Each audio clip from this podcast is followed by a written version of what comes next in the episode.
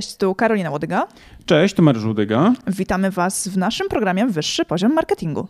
A dzisiaj będziemy rozmawiali o tym, czy nasze i Wasze biznesy przeżyją ten kryzys, a jeśli tak, to jakie mają szanse na to, żeby wrócić do dawnej świetności. Powiemy Wam też, co robią ci, którzy odnoszą sukcesy w czasach kryzysu. Tak jest, to wszystko przed Wami. Bądźcie koniecznie z nami. Miłego odbioru. Do usłyszenia za chwilę.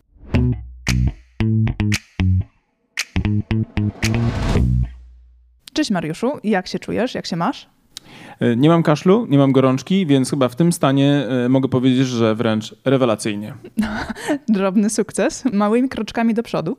Myślę, że każdy z nas, kto dzisiaj powie, mam papier toaletowy, mam e, wodę, mam środki odkażające i pełną lodówkę i nie mam kaszlu i nie jestem... Makaron naj... i ryż. Makaron i ryż, może powiedzieć, że czuje się naprawdę znakomicie. Takie czasy. Zabezpieczony i przygotowany na najbliższe dni. Tak jest. Myślę, że w tym konkretnym dniu, dzisiaj już do końca dnia, możemy powiedzieć tak, nic złego raczej nam się nie wydarzy. I oby tak było do końca dnia, a kolejny dzień przyniesie kolejne, kolejne rzeczy. Wiesz, jak to się mówi, nie? Krok po kroku. Krok po kroku, to jest najważniejsze. No ale właśnie, powiedz mi, dzisiaj będziemy rozmawiać o tej sytuacji, która jest i chyba którą już możemy nazwać słowem kryzys. Jak w takich sytuacjach możemy w ogóle myśleć o kryzysie? Czy nasze biznesy upadną? To jest bardzo dobre pytanie. Myślę, że większość przedsiębiorców, którzy w tej chwili w Polsce funkcjonują, ale nie tylko w Polsce, bo to jest problem globalny, ma takie myśli, czy damy radę doczekać do czasu, kiedy się poprawi sytuacja, czy mamy wystarczające zasoby, które pozwolą nam e, wytrzymać ten czas turbulencji.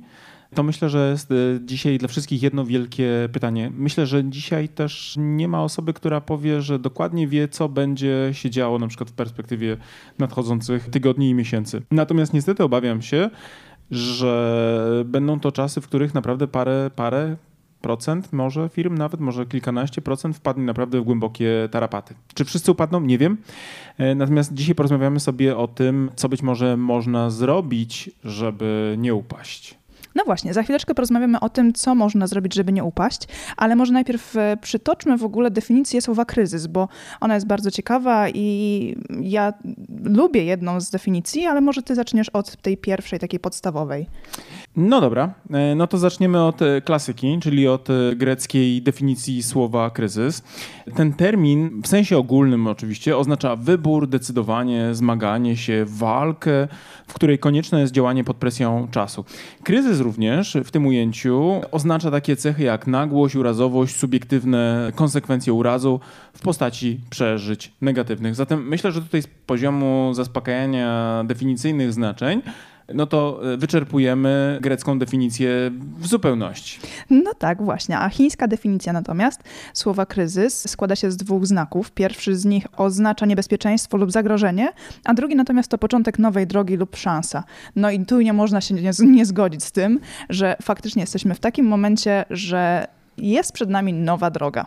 Tak, natomiast nie wszyscy jeszcze widzą szansę. Na razie chyba raczej widzimy takie ciemne objawy czy plamy, albo może. Już co niektórzy widzieli szansę, ci, którzy handlowali żelami antybakteryjnymi na Allegro, dostrzegli ją bardzo szybko. Maseczkami. Tak, tak, tak, tak. Płyny tak. dezynfekcyjne, tak. To ewidentnie myślę, że oni mogli pomyśleć o tym, że jest szansa. E, niewątpliwie producenci makaronu, których e, akcje zwyżkowały w, tej, w tym tygodniu na giełdzie o ponad chyba 50%, ewidentnie mogą mogą właśnie dzisiaj wyjść na scenę dużych konferencji i opowiadać właśnie o znaczeniu słowa e, kryzys w języku chińskim. I jak to dobrze czasami właśnie wrócić do podstaw. Prawda? Dostrzegli szansę, tak. tak, tak I trochę tak. na przykład wyśmiać na przykład jakieś startupy i powiedzieć, że tak naprawdę w czasach zarazy liczą się fundamentalne potrzeby, które potrafisz zaspokoić. Zdecydowanie. Boom, prawda? Boom. No ale realnie rzecz biorąc, myślę, że dzisiaj większości przedsiębiorców bardzo trudno powiedzieć, że w tym czasie faktycznie wchodzą na nową drogę, która będzie dla nich szansą. Myślę, że wszyscy możemy powiedzieć, że to jest dla nas zupełnie nowa droga. Mam wrażenie, że jeszcze jesteśmy w takim momencie, kiedy nie chcemy słuchać żadnych słów, żadnych rad. Potrzebujemy jeszcze chwilę na to, żeby troszeczkę się w tej sytuacji odnaleźć, otrząsnąć, żeby to wszystko do nas dotarło, bo chyba jesteśmy w lekkim szoku. Tak, ja myślę, że to słowo lekki to chyba nawet nie pasuje, bo to jest sytuacja bez precedensu. Ja pracując już kilkadziesiąt lat zawodowo i to zaczynałem w latach 90., które były bardzo trudne, bo to były dla mnie lata jako dla młodego człowieka. E, był to okres, kiedy wchodziłem na rynek pracy z 25% bezrobociem w Poznaniu.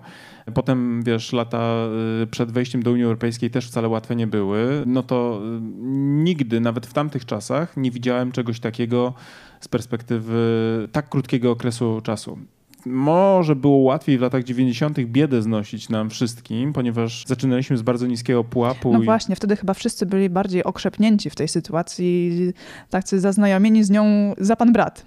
No myślę, że to na pewno, no bo wiesz, lata komuny, lata transformacji, lata naprawdę wielkiej walki na przykład z hiperinflacją jeszcze w początku lat 90. bodajże i w połowie lat 90. Właśnie wielkie bezrobocie. To trochę nas wtedy mocno, mocno doświadczyło, ale też i właśnie byliśmy bardziej okrzepli do tej takiej trudnej sytuacji, w jakiej jesteśmy zazwyczaj właśnie w kryzysach.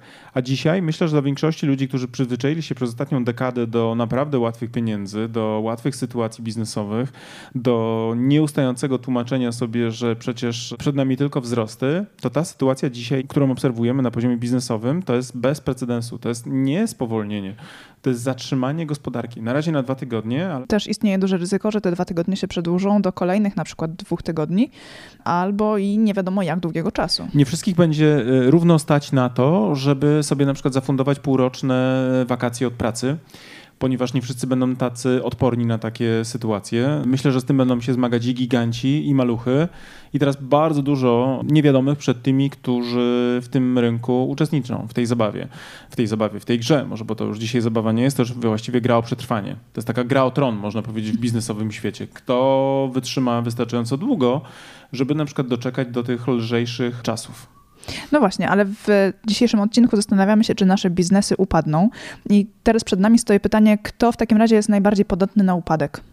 Nassim Taleb w swojej książce Antykruchość poruszył temat w ogóle odporności na wstrząsy, na kryzysy i e, według tez, które Taleb przytacza, najbardziej odporni na tego typu sytuacje, jak właśnie czarny łabędź, to są organizacje, które są zwinne, które są odporne, bo mają na przykład dobry produkt, albo elastyczny produkt, albo też mają wystarczająco duże zasoby na poziomie też e, intelektualnym, ale też i kapitału ludzkiego. Tutaj wspominał też Taleb, e, że antykruche są na przykład osoby o wysokich talentach, na przykład na rynku specjalistycznym, jacyś tam wyjątkowo dobrze zakorzenieni freelancerzy, ponieważ mają na przykład niskie koszty i mogą się, wiesz, zbunkrować na przykład. Mhm. Więc tutaj akurat myślę, że wszystkie małe organizacje, które zbudowały jakiś zapas kapitału, a nie mają wielkich kosztów w postaci, wiesz, biur, pracowników, ZUS-ów, ubezpieczeń, leasingów, wszystkich tak, tych tak, takich tak. operacyjnych kosztów, które są na co dzień, mogą liczyć na to, że te wakacje od pracy będą dla nich po prostu okazją na to, żeby podciągnąć tabor, przemyśleć usługi, e, opracować produkty i być może na przykład podtrzymać przy życiu swój organizm biznesowy, a potem wrócić do gry. Natomiast myślę, że wielu przedsiębiorców, którzy na przykład w gastronomii oglądałem przed chwilą wiadomości w TVN-ie, no przeżyją e, bardzo trudne chwile i nie wiem, czy się wszyscy podniosą, tak? No bo to jest kwestia natychmiastowej konieczności zwalniania ludzi, prawda, utrzymywania czynszu, więc jeżeli na przykład państwo nie będzie miało szybko pomysłów na to, żeby na przykład zamortyzować tego typu działania, no to myślę, że takie biznesy, które jadą na minimalnej marży na co dzień i nie miały okazji do tego, żeby zbudować poduszkę taką finansowo-materialną i emocjonalną przez to, y, będą naprawdę się bardzo mocno y, zmagały z rzeczywistością. To naprawdę będzie dla nich bardzo trudny czas. Tak, to na pewno będzie bardzo trudny czas. Kryzys tak naprawdę dotyka nie, nas wszystkich, niezależnie od tego, czy to są firmy małe czy duże. Ale teraz jak możemy w takich sytuacjach sobie radzić i kto może z tego kryzysu wyjść obronną ręką i czy w ogóle są firmy, które, które dają radę, żeby osiągnąć potem jeszcze jakieś wzrosty po, po przejściu przez turbulencje kryzysowe? Wiesz co, myślę, że predestynowane do tego, żeby przejść, przejść w miarę obronną ręką są te wszystkie firmy, które dokonały wcześniej udanej transformacji cyfrowej, czyli na przykład mają nadal dostęp do, do klientów, do rynków, bo są właśnie zdigitalizowane. To jest to, co, o czym mówiliśmy w naszych czterech megatrendach marketingowych o tej digitalizacji. I tutaj no myślę... tak, w sytuacji, kiedy jesteśmy zagrożeni koronawirusem i nie mamy możliwości tak naprawdę spotykać się z ludźmi, wszystko, co jest w formie cyfrowej, online'owej, bezpiecznie... Jest bardziej antykruche. Tak, jest, jest bardziej, bardziej antykruche. antykruche? Mm -hmm. I tutaj oczywiście nie ma możliwości powiedzenia, że to jest absolutny system immunizujący jakby takie organizacje, sama cyfryzacja, ale na pewno daje większą odporność. Ta większa odporność może być związana z tym, że po prostu zwyczajnie nie stracisz kontaktu z rynkiem, bo działają pewne rzeczy technologiczne, ale z drugiej strony dzisiaj czytałem na przykład, że Netflix jest bardzo mocno zagrożony w tej chwili realizacją planów zdjęciowych, że odwołali pracę nad takimi serialami jak na przykład Stranger Things mhm. i wiele innych tam produkcji, które są w toku, ponieważ wszystkie jakby ekipy, które były zatrudnione do realizacji tychże seriali, musiały być zwolnione z uwagi na ryzyka właśnie związane z koronawirusem. Więc tutaj akurat nie każda scyfryzowana jakby platforma, czy też narzędzie, czy też firma będzie absolutnie spokojna, ale myślę, że będą miały dużo większą odporność niż na przykład, nie wiem, salony fryzjerskie, kosmetyczne, wiesz, takie firmy usługowe, które żyją z kontaktu z ludźmi, na już o tych firmach eventowych czy szkoleniowych, które mają, wiesz, kontakt na fizycznej sali e, z uczestnikami, no to w ogóle nie wspominamy, bo tutaj jest zdziesiątkowane kalendarze są po prostu masakrycznie. Sami zresztą oczywiście z tego powodu e, również odczuwamy, no krwawimy wręcz, prawda, tak. jeśli chodzi o, o, o plany biznesowe, więc my to też doskonale rozumiemy. Natomiast wydaje mi się, że to dzisiaj jest za wcześnie powiedzieć jakie firmy wyjdą wzmocnioną ręką. Myślę, że te, które e, w tym takim trudnym czasie są przede wszystkim osadzone o zaspokajanie tych kluczowych potrzeb związanych z aprowizacją społeczeństwa, czyli te firmy, które na przykład rozwiązują dzisiaj problemy żywności, chociaż one mogą być znowu zagrożone tym, że będą poddane kwarantannie załogi, o tym już mówiliśmy w poprzednim z kolei podcaście, więc też nie ma pewników. Natomiast po każdym kryzysie jest jakiś procent nowych czempionów e, i każde kryzysy historycznie oznaczają pojawienie się nowych innowacji. Nie wiem, jakie innowacje wyłonią się z tego kryzysu, ale na przykład po II wojnie światowej, która była wielkim przecież kryzysem, rozwinął się wielce przecież przemysł technologiczny, technologie wojskowe. Właściwie tak naprawdę pojawiły się rozwiązania, które wcześniej były na potrzeby wojska, które przeszły później do cywilnych zastosowań. Radary na przykład umożliwiły zastosowanie bezpiecznego latania, ponieważ pojawiło się kontrola ruchu, lot, ruchu e, lotniczego, który sprawił, że miliony samolotów nagle wzbiły się w powietrze i utworzyły na przykład zglobalizowane połączenia gospodarcze, prawda? Wiele innych takich rzeczy, które się pojawiło na przykład w wyniku wielkich kryzysów, sprawiło, że później świat poszedł naprzód. Natomiast oczywiście dzisiaj jeszcze nie wiem, jakie będą to innowacje. E, być może na przykład powstaną sposoby na radzenie sobie właśnie z zakażeniami, z wirusami. Być może farmaceutyczny przemysł pójdzie bardzo do przodu. Być może nomen omen również pójdą społeczeństwa, które nauczą się bardziej cyfryzować pewne rzeczy. No bo zwróć uwagę teraz, że na bazie tego wszystkiego, co dzieje się obecnie, na tym koniecznym dystansie, który jest pomiędzy chociażby państwem a jego obywatelem, być może wreszcie pojawią się możliwości załatwienia wszystkiego z urzędem drogą cyfrową. No tak, właśnie, bo teraz promowane są rozwiązania załatwiania wszystkiego drogą elektroniczną. Raptem jest wprowadzana możliwość teleopieki tak naprawdę, plus wideoopieki okazuje się. Mm, jest możliwość rozmawiania z lekarzem przez telefon i otrzymania zwolnienia lekarskiego przez telefonicznie, bez, Co dawniej nie było bez koniecznego tak, kontaktu. Aż tak łatwe, nie? Tak, wcześniej nie było to tak łatwe i um, chyba nawet jeżeli lekarz mógł wystawić coś takiego, to nie wszystkie jednostki patrzyły na to przychylnie, a teraz się okazuje, że jednak jest to powszechnie akceptowane. Ja myślę, że ten kryzys, jeśli go przejdziemy jakoś e, w sposób taki, wiesz, kontrolowany, to pchnie cały nasz kraj i myślę, że w ogóle te kraje, które zdadzą egzamin jakby z tej całej próby, no to pchnie właśnie w stronę rozwoju usług cyfrowych, bo to już nie będzie, nie ma zlitu i to już, już nie, nie ma zlitu i tak. To już pokazuje ten przykład, ten stres test pokazuje, jak bardzo ważne są systemy państwa, które potrafią zdublować kluczowe obszary właśnie na poziomie komunikacji obywatela, który może sobie załatwić wszystkie rzeczy w tym czasie z państwem. Więc być może na przykład ten, ten tutaj kryzys będzie nomenom właśnie taką szansą, która pokaże rządzącym, że muszą podjąć strategiczne decyzje w kierunku wprowadzenia w ogóle społeczeństw na drogę ścieżki takiej cyfrowej. Być może poprawimy też w ogóle kwestie bezpieczeństwa, no bo żeby wprowadzić pewne rozwiązania w skali kraju, na przykład wybory, to będzie trzeba pracować nad bardzo szczelnymi systemami bezpieczeństwa, więc być może na przykład w tą stronę pójdą jakieś rozwiązania, które potem przejdą do cywila, nie? czyli na przykład bezpieczniejsze jakieś, wiesz, szyfrowania, większa odporność na cyber, cyberataki i tak dalej, i tak dalej. Więc tutaj potencjalnie jest dużo rzeczy, które mogą być wielką szansą dla nas, pod warunkiem oczywiście, że nie cofniemy się na przykład do epoki kamienia, y, wiesz, łupanego hmm. lub też przynajmniej do średniowiecza. Tak, tak, tak, tak.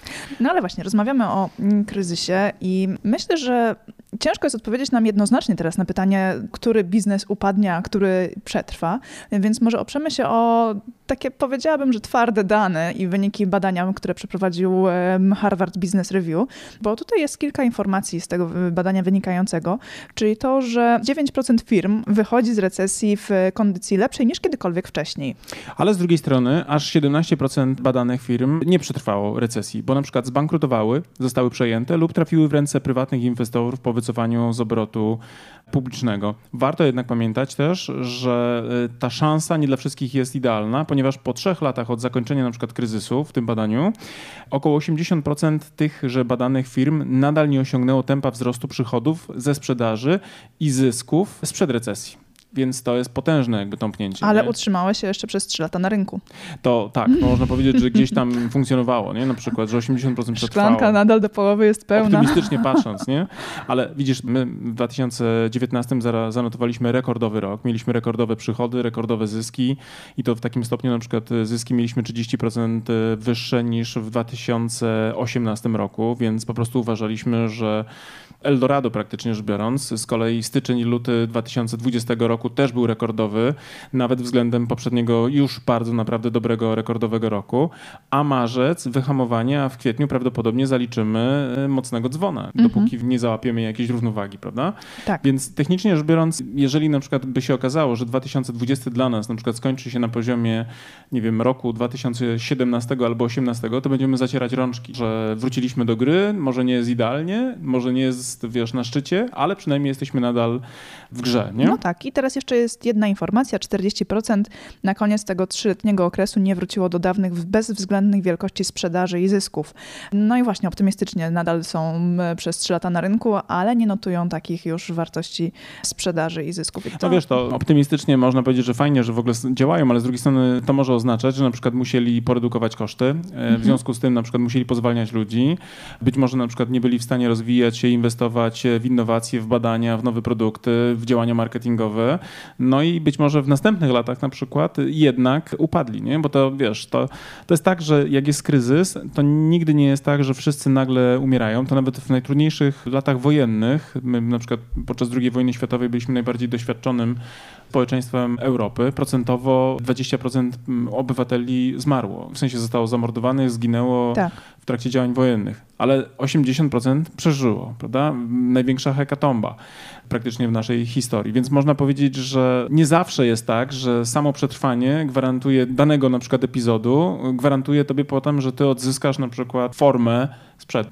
Więc tymi kryzysami na pewno będą szanse, na pewno będą też nowe startupy albo nowe organizacje, albo też tradycyjne e, firmy, które na przykład tak jak ci goście od makaronów nagle dostaną wiatr w żagle, ale też dzisiaj czytałem, że firma Adamet ma e, w Polsce produkcję leku, który jest wykorzystywany w terapii koronawirusa i dla nich na przykład z perspektywy tego okresu to też jest niesamowity strzał pozytywny, tak? bo raz, że będą mogli e, bardzo mocno zbudować markę na procesie leczenia osób, bo to będzie skojarzone jakby z brandem, a z drugiej strony oczywiście polecam są gigantyczne zamówienia na produkty. Nie? Natomiast oczywiście y, masę firm na przykład transportowych, które zostaną wyłączone z rynku, ja nie wiem, kiedy oni będą w stanie to odrobić. Wiesz, no tak, ale powiedzmy, że Adamet czy wcześniej wiesz, wspomniane mhm. makarony to, to są tak naprawdę sprzyjające okoliczności, jeżeli to mogę tak nazwać, bo akurat trafili, że kryzys, jaki do nas, nas dopadł, akurat w tych warunkach funkcjonuje, że oni mogli się w tym odnaleźć, bo gdyby to była jakakolwiek inna sytuacja, to okazałoby się, że akurat ten lek nam nie jest potrzebny albo takie zapasy makaronu.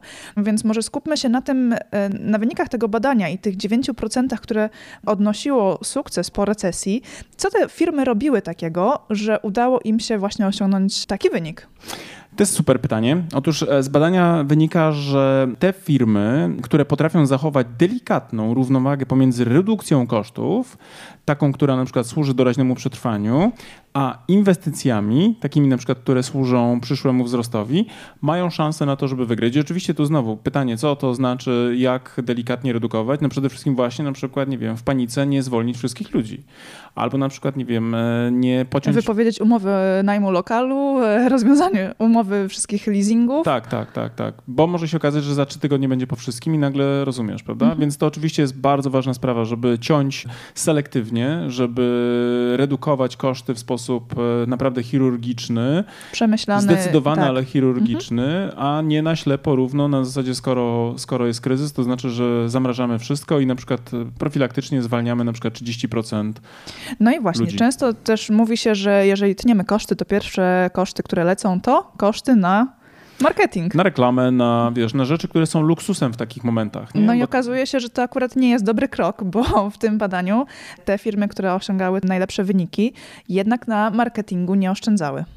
No właśnie, bo w tej grupie badanej yy, największe szanse, aż 37% na oderwanie się od peletonu ma ta grupa podmiotów, które stosuje konkretną kombinację takich defensywnych i ofensywnych kroków. Strategia ta polega na tym, że bardziej niż rywale na przykład skupiają się na wydajności operacyjnej, a jednocześnie inwestują na dość dużą skalę w przyszłość, podnosząc na przykład wydatki na marketing, prace badawczo-rozwojowe i na nowe na przykład innowacyjne rozwiązania. A jak z kolei my będziemy przygotowywać się na te najbliższe dni, tygodnie czy miesiące? Myślę o tym uporczywie od tygodnia. Przede wszystkim myślę sobie o tym, że będziemy bardzo starannie dobierać sobie pola bitwy, czyli będziemy bardzo roztropnie podejmować decyzje biznesowe, zarówno te, które mają tutaj doraźny na przykład dla nas taki skutek, ale też i w takich długofalowych perspektywach. Będziemy na pewno starali się e, inwestować w tym czasie w marketing, bo to absolutnie my nie będziemy cieli jakby tego działania. Chociażby na przykład rozwijanie tego podcastu, dostarczanie kontentu, tworzenie treści e, pisemnych, treści audio, tak, utrzymywanie kontaktu newsletterowego. To są te działania, które będziemy wykonywali po to, żeby w tym czasie, w którym nie będzie decyzji budżetowych, na przykład, bo nasi klienci będą mieli pozamrażane na przykład budżety, żeby jednak w ich umyśle być obecnymi żeby na wypadek, kiedy się to y, poprawi, żeby wrócili do nas, bo no, będą jeszcze o nas pamiętali, tak? To ewidentnie.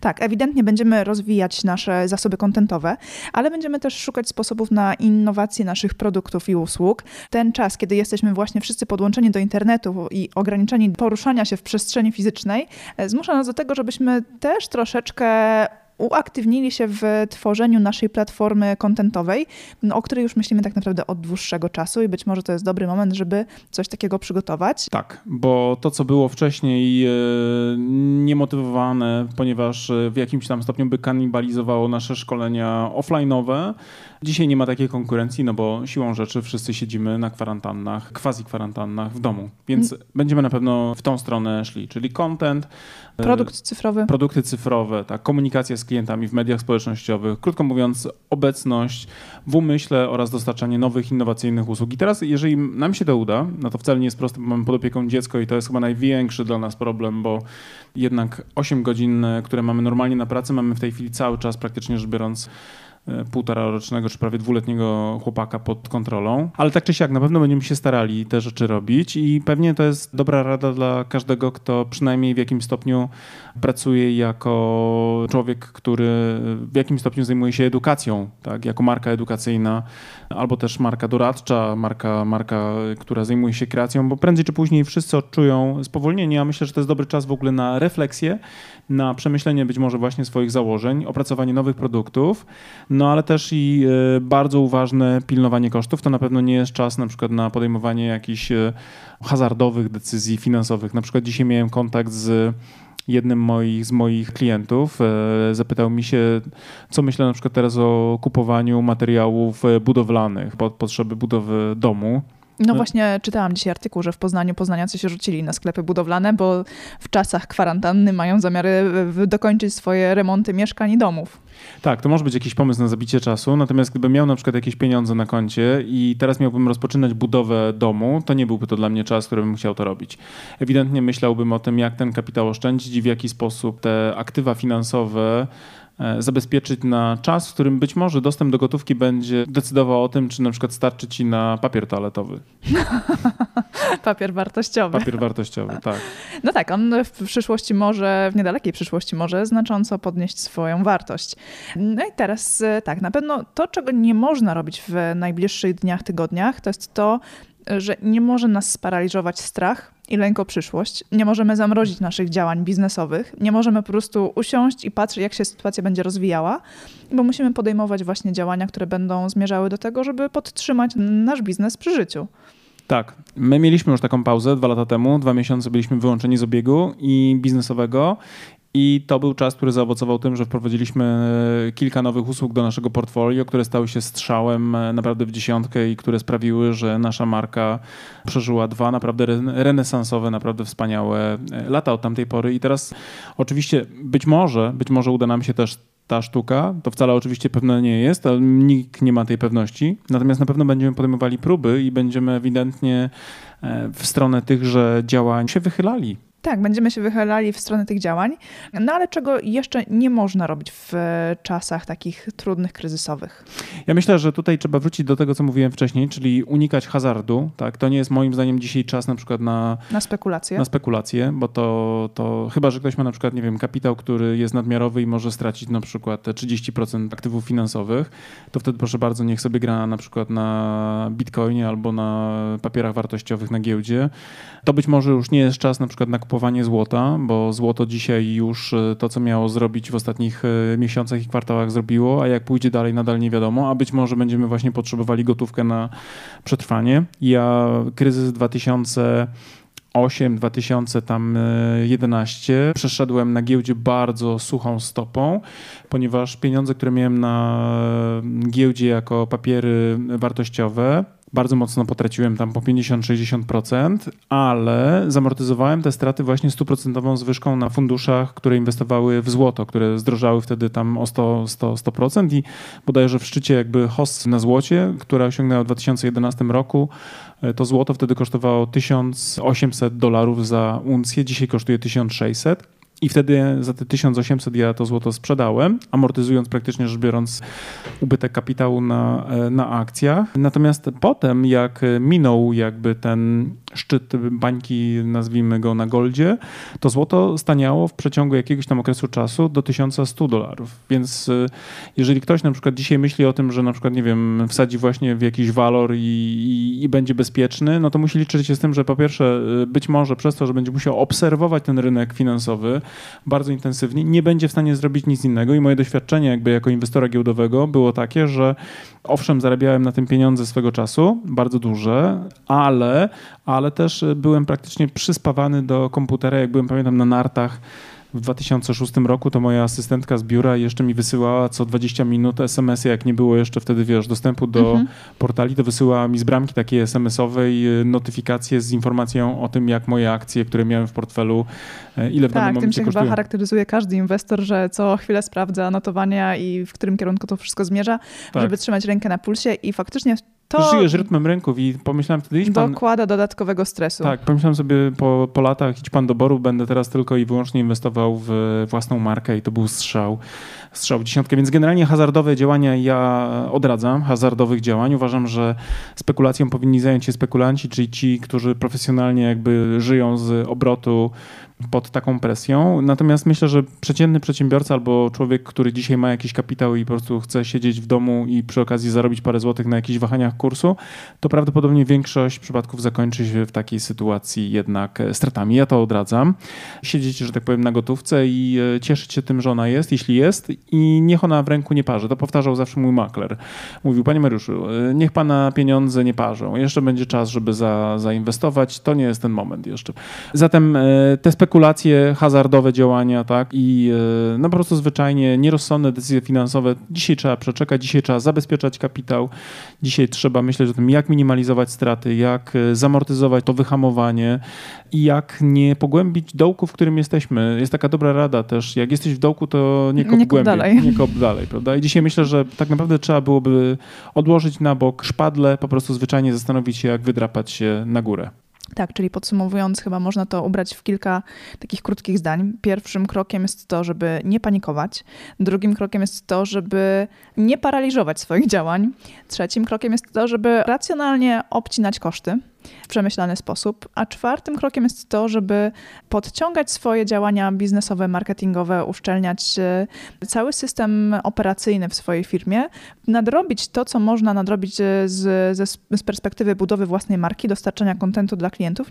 Nie tylko w branży, która dzieli się wiedzą, ale mam wrażenie chyba, że każdy tak naprawdę... Wszędzie tam, gdzie content tak. marketing tak. jest e, istotny, a mhm. wszędzie jest istotny, tam można na przykład w tym momencie zacząć dostarczać po prostu te treści i, i popracować na tym. Dzięki I tak czemu... jak wcześniej wcześniej na to być może nie było czasu.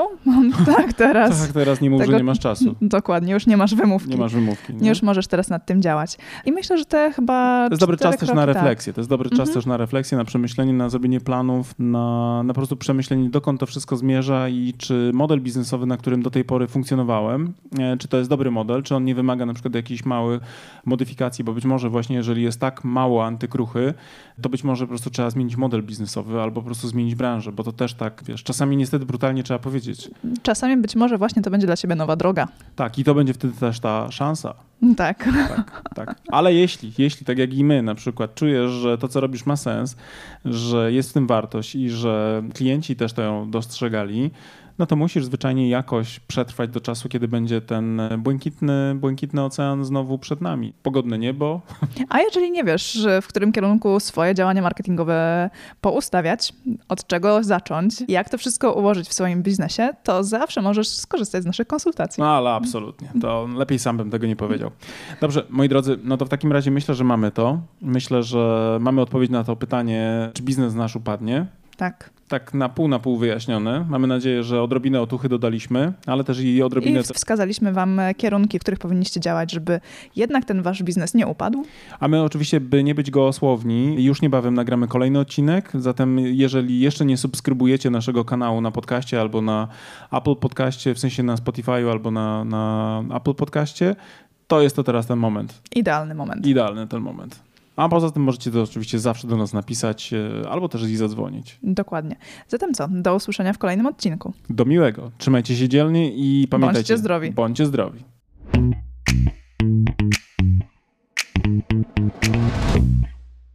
No dobra, to na tyle w dzisiejszym odcinku wyższego poziomu marketingu. A teraz pozwólcie, drodzy słuchacze, że powiemy Wam, dlaczego warto pójść na następny poziom, czyli skorzystać z naszego kursu ABC Strategii Marki. Tak, bo jak wiecie, to po pierwsze macie już do niego kod rabatowy 15%, a po drugie ten kurs i wiedza z niego pozwoli Wam wejść na wyższy poziom marketingu z Waszą marką i dzięki niemu opracować strategię dla Waszej marki. I to jest oczywista oczywistość, prawda? Tego byśmy nawet nie musieli mówić, gdyż już na pewno wiecie. Natomiast to, co nie jest pewnie dla Was jasne, to to, z jakich elementów składa się ten kurs, prawda? Pierwszy taki, najważniejszy, od którego zawsze wychodzimy, który, uwaga, jest najmniej pewnie spektakularny, no bo wiąże się przede wszystkim z tą robotą w okopach, czyli analizą, prawda? To jest ten pierwszy obszar, który jest naprawdę niezwykle istotny. Dzięki naszemu kursowi APC Strategii Marki będziecie wiedzieli, jak zrobić badanie marketingowe, które pozwoli Wam określić to, co nazywamy fachowo consumer insightem, czyli insightem konsumenckim, albo inaczej mówiąc po polsku, po prostu tak jak należy, patriotycznie, co jest potrzebą konsumenta. Tak, ale też e, ten kurs pozwoli Wam przejść do drugiego etapu, czyli etapu strategicznego i opracować strategię Waszej marki, czyli znaleźć też unikalne pozycjonowanie dla Waszej marki. No oczywiście, jak to zrobić, dowiecie się z kursu, natomiast zaręczam Wam, że ta wiedza, która jest w tym kursie przedstawiona, zdecydowanej większości z Was pozwoli naprawdę zdystansować się od Waszych konkurentów i po prostu zwyczajnie zarabiać więcej. A skoro już będziecie wiedzieli, jakie macie unikalne pozycjonowanie przyjąć dla Waszej marki, to też z, z naszym kursem kursem dowiecie się, w jaki sposób docierać do waszych odbiorców, by w ich umysłach zbudować właśnie to odpowiednie pozycjonowanie. Będziecie wiedzieli, jak tworzyć wizerunek waszej marki, będziecie wiedzieli również, jak mierzyć postępy, a to wszystko, o czym teraz mówię, tak naprawdę zawiera się w tej części, którą my jako strategzy nazywamy strategią komunikacji marki. Także ten nasz kurs, jako jedyny chyba na rynku w Polsce, bo ja nie spotkałem jeszcze tak kompleksowego podejścia, pozwoli wam nie tylko mówić o tym, co komunikować, ale również dlaczego komunikować i do kogo, co pewnie jest najważniejsze. Oraz gdzie komunikować. Tak, i jak mierzyć oczywiście wszystkie aspekty i nie tylko te performance'owe typu kliknięcie kliknięcia w link, ale również to, co mają w umysłach i w głowach i w sercach wasi klienci. Generalnie ten kurs posiada bardzo, bardzo dużo informacji na temat tego właśnie w jaki sposób, gdzie i co komunikować. I jeżeli chcecie się dowiedzieć dokładnie, co jest zawarte w naszym kursie, to zapraszamy na naszą stronę internetową. Natomiast z mojej strony mogę wam powiedzieć, że z czystym sumieniem go polecam jako współautor, ale też jako człowiek, który bardzo często wraca merytorycznie do tego kursu, bowiem nawet dla mnie, jako do człowieka, który pracuje na co dzień, ta wiedza, którą tam zebraliśmy, jest fundamentem, do którego ja też często wracam, kiedy potrzebuję pewne rzeczy sobie przypomnieć. A jak to robię? Przede wszystkim za pomocą własnej prezentacji, bo w tym kursie nie tylko jest treść wideo, ale również macie mnóstwo bardzo wartościowych załączników, chociażby na przykład 512-stronnicowa prezentacja. Ale uwaga, niech to was nie przeraża, ponieważ te slajdy są zrobione w sposób bardzo przyjemny i w taki sposób, że nie są przesycone treścią, a z drugiej strony esencjonalnie pokazują to, co jest w tej treści najważniejsze. Tak, a z tego praktycznego punktu widzenia w kursie macie również załączniki takie dodatkowe do pracy własnej, e, z którymi możecie opracować własną strategię. Jest szablon opracowania strategii marketingowej, ale też jest przykładowa strategia naszej marki. Tak jest i ta strategia pozwoli Wam nie tylko zobaczyć, jaki jest framework, na którym my pracujemy jako strategzy, ale również zobaczycie, jak to wygląda z poziomu projektowanych założeń i będziecie mogli później na przykład przejść na nasze kanały komunikacyjne, na przykład na stronę www i też zobaczyć w ogóle, jak to działa, to co my żeśmy zaplanowali, bo absolutnie, wierzcie mi, my funkcjonujemy dokładnie według tych założeń i nie tylko na poziomie przekazu werbalnego, ale również tego wizualnego języka, który jest podstawą właśnie opracowaną na bazie tych założeń. Tak. Zatem, jeżeli chcecie dołączyć do naszego kursu, zapraszamy na naszą stronę internetową. Jeżeli jeszcze nie jesteście pewni, również zapraszamy na naszą stronę internetową, by dowiedzieć się więcej.